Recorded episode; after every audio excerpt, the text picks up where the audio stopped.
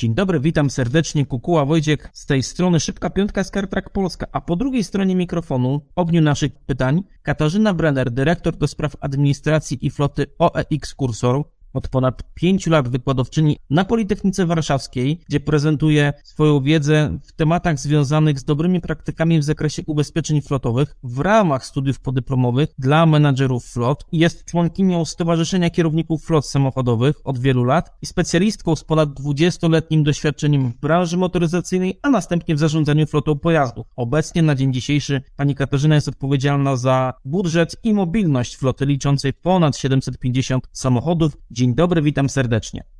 Dzień dobry Wojtku, bardzo dziękuję za zaproszenie i cieszę się, że będę mogła wziąć udział w tym projekcie.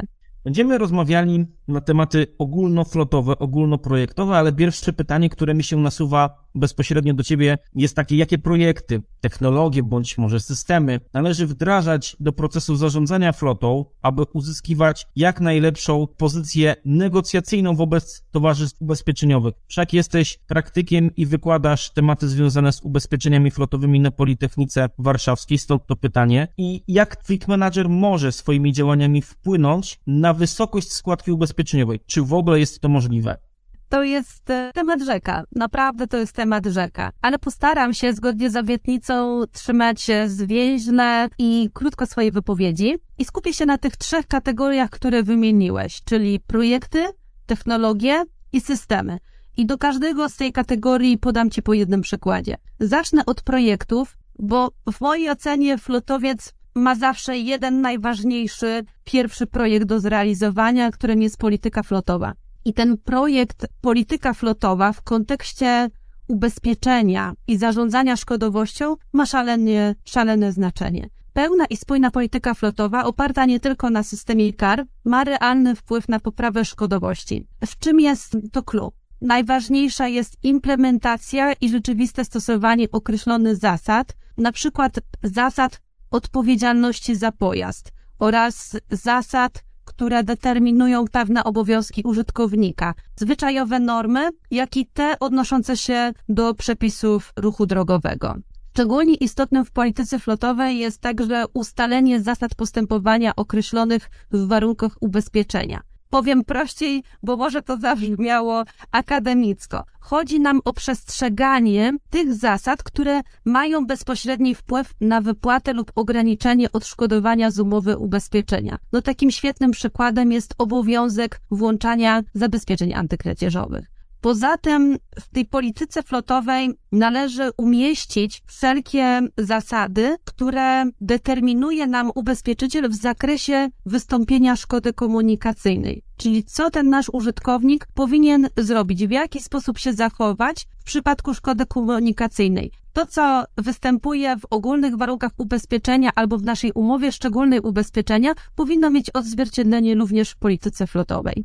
Poza tym chociaż jest to bagatelizowane, ważne są zasady bezpieczeństwa mające wpływ na komfort oraz bezpieczeństwo jazdy naszych użytkowników. Na przykład określenie czasu przerw w trakcie jazdy użytkowanym pojazdem.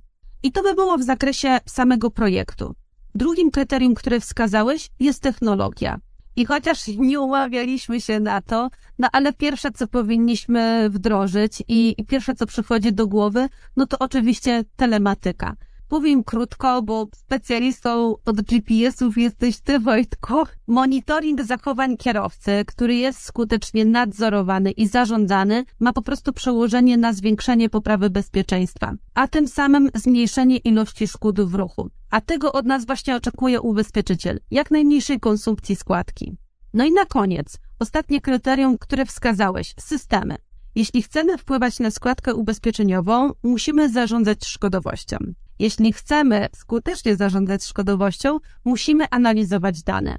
A jeśli chcemy analizować skutecznie dane, musimy je zbierać. No i teraz meritum. Jeżeli skutecznie chcemy zbierać dane, musimy zmaksymalizować automatyzację. Bez wdrożenia systemu do zarządzania flotą nie będzie to możliwe. Tylko dzięki systemowym rozwiązaniom możemy zarządzać procesami szkodowymi i wpływać realnie na wysokość składki ubezpieczeniowej w zarządzanej flocie. Czyli się da z tego, co mówisz. To teraz przechodząc od projektów technologii i systemów, chciałbym Cię zapytać o samego człowieka. Ładnie taką transformację zróbmy i przeskok, bo nie wiem, czy się ze mną zgodzisz, czy jest to pewien trend, może pewien kierunek zmian, ale jeżeli chodzi o samą rolę osoby, która na co dzień zajmuje się flotą, jakkolwiek ją nazwiemy, czy będzie to specjalista do spraw administracji, czy będzie to menadżer floty, czy będzie to dyrektor zakupów, czy dostrzegasz jakiś trend, jeżeli chodzi o outsourcing, jeżeli chodzi właśnie o usługi flotowe. Jaka w takim razie jest przyszłość osoby, której 100% albo 80% codziennych obowiązków zajmowanych jest przez zarządzanie flotą? Jak następuje ta ewolucja, jeżeli chodzi o rolę menadżera floty w organizacji? Ostatnie trzy lata na pewno wyrwały z błogiego spokoju co po niektórych flotowców. Branża motoryzacyjna przeszła no, totalną rewolucję, a wraz z nią rynek flotowy. W ostatnim czasie mogliśmy obserwować trend zmniejszania liczebności samochodów we flotach, poszukiwania oszczędności i całkowitej zmiany w strategiach zakupowych. Także na pewno to ma odzwierciedlenie w samym człowieku, czyli tym naszym fleet managerze. Coraz bardziej pożądaną kompetencją mnie stała się interdyscyplinarność, czyli umiejętność rozwiązywania problemów, odnosząc się do różnych umiejętności i źródeł danych. A dane stały się po prostu kluczowym orężem flotowca ale żeby miało to sens i realną efektywność, wiele procesów flotowych wymaga wdrożenia automatyzacji. Niestety, ale pracujemy w takich czasach, gdzie decyzje trzeba podejmować coraz szybciej, a strategiczne coraz częściej. Zbierając i przetwarzając ręcznie dane, wypadamy z rynku, niestety, a trzeba przyznać, że takie sytuacje miały miejsce w rynku. Dlatego pewnie też umacnia się ten trend outsourcingu procesów flotowych. W organizacjach, gdzie własne zasoby są niewystarczające, lub brakuje im odpowiednich kompetencji, wdrożenie takiego rozwiązania w oparciu o określone SEA na pewno będzie korzystne. Historycznie, według mnie, takie usługi miały już wcześniej miejsce, tylko bardziej o charakterze wewnętrznym, na przykład na zasadzie Centrum Usług Wspólnych w grupach kapitałowych i konsorcjach, gdzie do jednego podmiotu w grupie kapitałowej były wyoutsourcowane właśnie procesy zarządzania flotą, tak, żeby nie wszystkie spółki miały osobę zarządzającą flotą, tylko było to skonsolidowane. Podobna sytuacja miała też miejsce i ma zresztą cały czas miejsce w zakresie regionalnym regionalnego bądź międzynarodowego zarządzania flotami w globalnych organizacjach. Jak spojrzymy na outsourcing flotowy jako kolejną usługę flotową, wydaje się to naturalnym uzupełnieniem rynku. Niemniej jednak powiem Ci szczerze, że uważam, że ten trend nie zdominuje w przyszłości rynku, tylko nam go trochę podzieli. I bardzo dobrze. Ja się z tego cieszę to wspomniałaś o jednej, moim zdaniem, również bardzo znamiennej rzeczy, czyli o podejmowaniu decyzji. A ja bym Cię chciał w związku z tym zapytać o pewną kategorię tych decyzji, czyli o cięcie kosztów. Może mnie wyprowadzić z błędu, ale moim zdaniem cięcie kosztów w postaci po prostu pozbycia się określonej liczby pojazdów, w konsekwencji na przykład zmniejszenie ilości i liczebności personelu, no nie jest tutaj jakąś wielką zagadką i technologią, jeżeli chodzi o cięcie koszty, ale jak ciąć koszty, aby to się negatywnie nie odbiło i na mobilności, i na wydajności pracy pojazdów i pracowników. No widzisz, dla mnie już samo stwierdzenie ciąć koszty niesie ze sobą taki pejoratywny ładunek i zdecydowanie wolę określenie optymalizacja. A tym bardziej, jeśli celem naszych działań jest ta efektywna mobilność. Przede wszystkim wdrażanie jakichkolwiek rozwiązań powinno być podpartą analizą obecnych danych i przeprowadzonymi estymacjami możliwych rozwiązań. Jeśli zdefiniujemy sobie mobilność naszych pracowników jako taką zdolność do płynnego docierania do określonych punktów w oczekiwanym czasie, to powinniśmy dążyć do minimalizacji wszelkich zdarzeń, które to zakłócają i powodują odbieganie od służbowych obowiązków naszych pracowników. Może uzasadnię to trochę przykładem. Czy w tej perspektywie zdefiniowanej przeze mnie mobilności ograniczając pracownikom wybór samochodów do tych z niższym spalaniem i w oparciu o wnikliwą analizę TCO nazwalibyśmy to cięciem kosztów, czy raczej optymalizacją. Bo jeśli dotychczasowa polityka flotowa w firmie dopuszczała wybór samochodu służbowego w oparciu o limit kwotowy, a jeszcze co gorsze, o limit zakupowy, to pomimo, że wprowadzenie nowych zasad może nie będzie pozytywnie odebrane przez użytkowników, nawet na pewno nie będzie pozytywnie odebrane, ale zdecydowanie zoptymalizuje koszty bez wpływu na utratę mobilności czy wydajności. Powiedziałeś na samym początku o redukcji ilości samochodów, która może być związana z redukcją ilości etatów. Może o samych ilościach etatu nie będę mówić, tylko o redukcji ilości samochodów. Również możemy na to patrzeć pod kątem optymalizacji, a nie przez stwierdzenie cięcia kosztów. Takim przykładem jest zamiana samochodu pulowego, który bardzo często występuje w oddziałach regionalnych wielu firm, na na przykład zewnętrzne usługi carsharingu łączone z usługami przewozu osób. Oczywiście przy ekonomicznym uzasadnieniu wdrożenia takiego rozwiązania, czyli wcześniejszej analizie. Tego również nie nazwałabym cięciem kosztów, tylko optymalizacją, która ma wymiar ekonomiczny, ekologiczny, a nawet CSR-owy. I co najważniejsze, wciąż możemy zachować mobilność naszych pracowników i nie pogorszy to ich wydajności. Podsumowując i odpowiadając na Twoje pytanie, po prostu powinniśmy szukać najlepszych rozwiązań dla wyznaczonych kryteriów.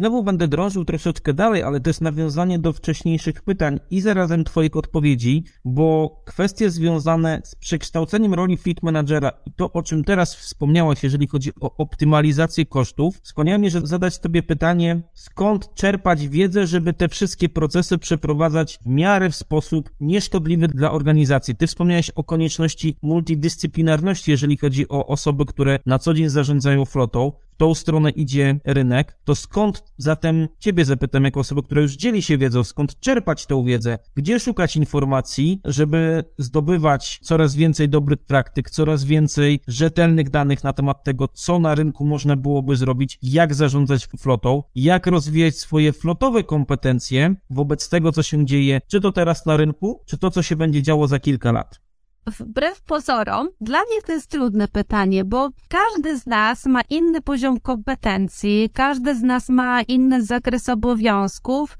i wyzwania dnia codziennego, tego dnia zawodowego. Łatwiej będzie mi odpowiedzieć na pytanie bezpośrednio, w jaki sposób ja czerpię tą wiedzę, i takim moim pierwszym i najważniejszym źródłem, głównie z braku czasu, jest wszelkie źródła będące w online, czyli przede wszystkim social media i podcasty ekspertów. Mamy tylu świetnych ekspertów branży flotowej i motoryzacyjnej, którzy, wiesz, nie tylko chętnie dzielą się tą wiedzą, ale bardzo często stawiają jakieś kontrowersyjne hipotezy, pozostawiając miejsce na, wiesz, taką otwartą dyskusję dobrze jest poznawać perspektywę innych i często w tych dyskusjach, a już totalnie w komentarzach, znajdziesz wiele takich wartościowych insightów, które mogą okazać się bardzo przydatne dla Twojej floty wspomniałeś o tym, mam e, pewien fokus na tematy ubezpieczeniowe, także z dużym zainteresowaniem śledzę publikacje na profilach instytucji wspierających i kontrolujących ten rynek.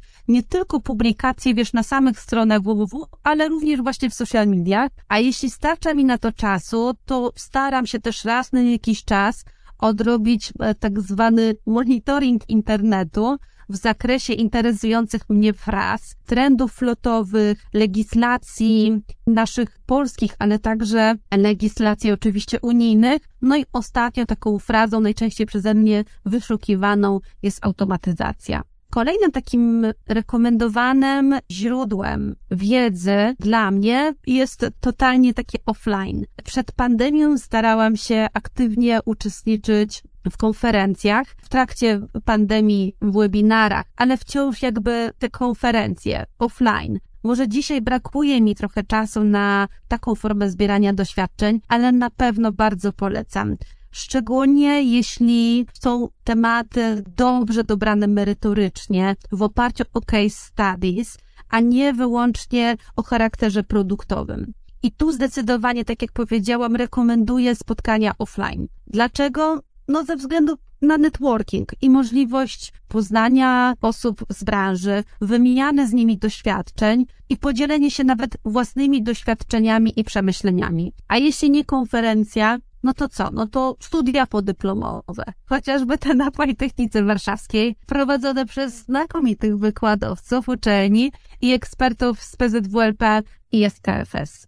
No i na koniec e, będę niestety monotematyczna, ale muszę znów coś powiedzieć o danych. Poszerzanie wiedzy w oparciu o perspektywę innych czy wymianę doświadczeń nie ma według mnie sensu, jeśli nie mamy poukładanej wiedzy o własnej flocie. Zarządzanie mobilnością opiera się przede wszystkim na analizie danych, wyciąganiu wniosków i, co już dzisiaj padło, podejmowaniu decyzji. Bez tego ostatniego kroku nie będziemy podnosić swoich kompetencji. Ta wiedza jest bardzo blisko nas, tylko trzeba po nią po prostu sięgnąć i ją przeanalizować, przemyśleć, zweryfikować z rydziem, porównać.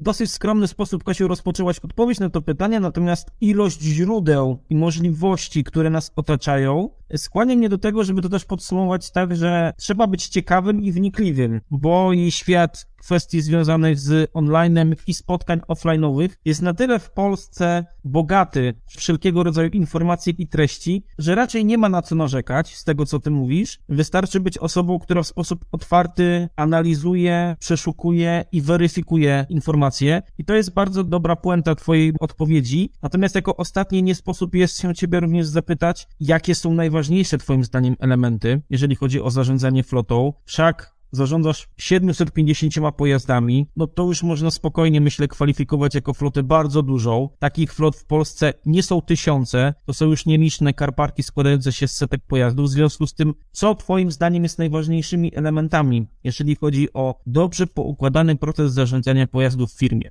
Może też bym tak to uzupełniła. Te moje 750 samochodów, którymi zarządzam, to nie jest jedna flota, to nie jest jedna firma. Działam na zasadzie Centrum Usług Wspólnych i świadczę takie usługi dla spółek z naszej grupy kapitałowej. Także to jest bardzo ciekawe doświadczenie, bo to nie jest jedna flota, którą możesz poukładać w jeden określony sposób. To jest kilka flot złożonych jeszcze z mniejszych, na przykład projektowych flot, więc dynamika tej floty jest bardzo, bardzo mocna. I jakbym miała wskazać taki najważniejszy element, który pojawia się i przewija się w mojej głowie w ostatnim czasie, i to jest też trend, który zauważam na rynku, to jest po prostu szeroko rozumiana automatyzacja. Automatyzacja działań po stronie zarządzania flotą, czy poprzez wykorzystanie właściwych systemów, czy poprzez wykorzystanie właściwych technologii, umożliwia nam sprawne i skuteczne zarządzanie tą flotą i nie wymaga od nas przy każdym jej kolejnym wzroście dotrudniania kolejnych osób. Im więcej wdrożymy automatyzacji, im więcej wykorzystamy tej technologii w zarządzaniu, tym będziemy skuteczniejsi, ale bez ponoszenia dodatkowych kosztów z tym związanych. Kasiu, bardzo serdecznie Ci dziękuję za poświęcony czas. Ja muszę powiedzieć, że jestem zafascynowany Twoimi spostrzeżeniami i jednocześnie bardzo wdzięczny, że tutaj je wygłosiłaś między innymi, ale to pokazuje, jak olbrzymią wiedzę i olbrzymie doświadczenie posiadasz, jeżeli chodzi o tematy właśnie nie tylko związane z zarządzaniem flotą, ale kwestie związane po prostu z tematami projektowymi, to o czym wspomniałaś na końcu. Więc jeszcze raz bardzo serdecznie Ci dziękuję. Ja również bardzo dziękuję za to zaproszenie. No i co? I mam nadzieję, że do usłyszenia znów niebawem. Za rok, za dwa.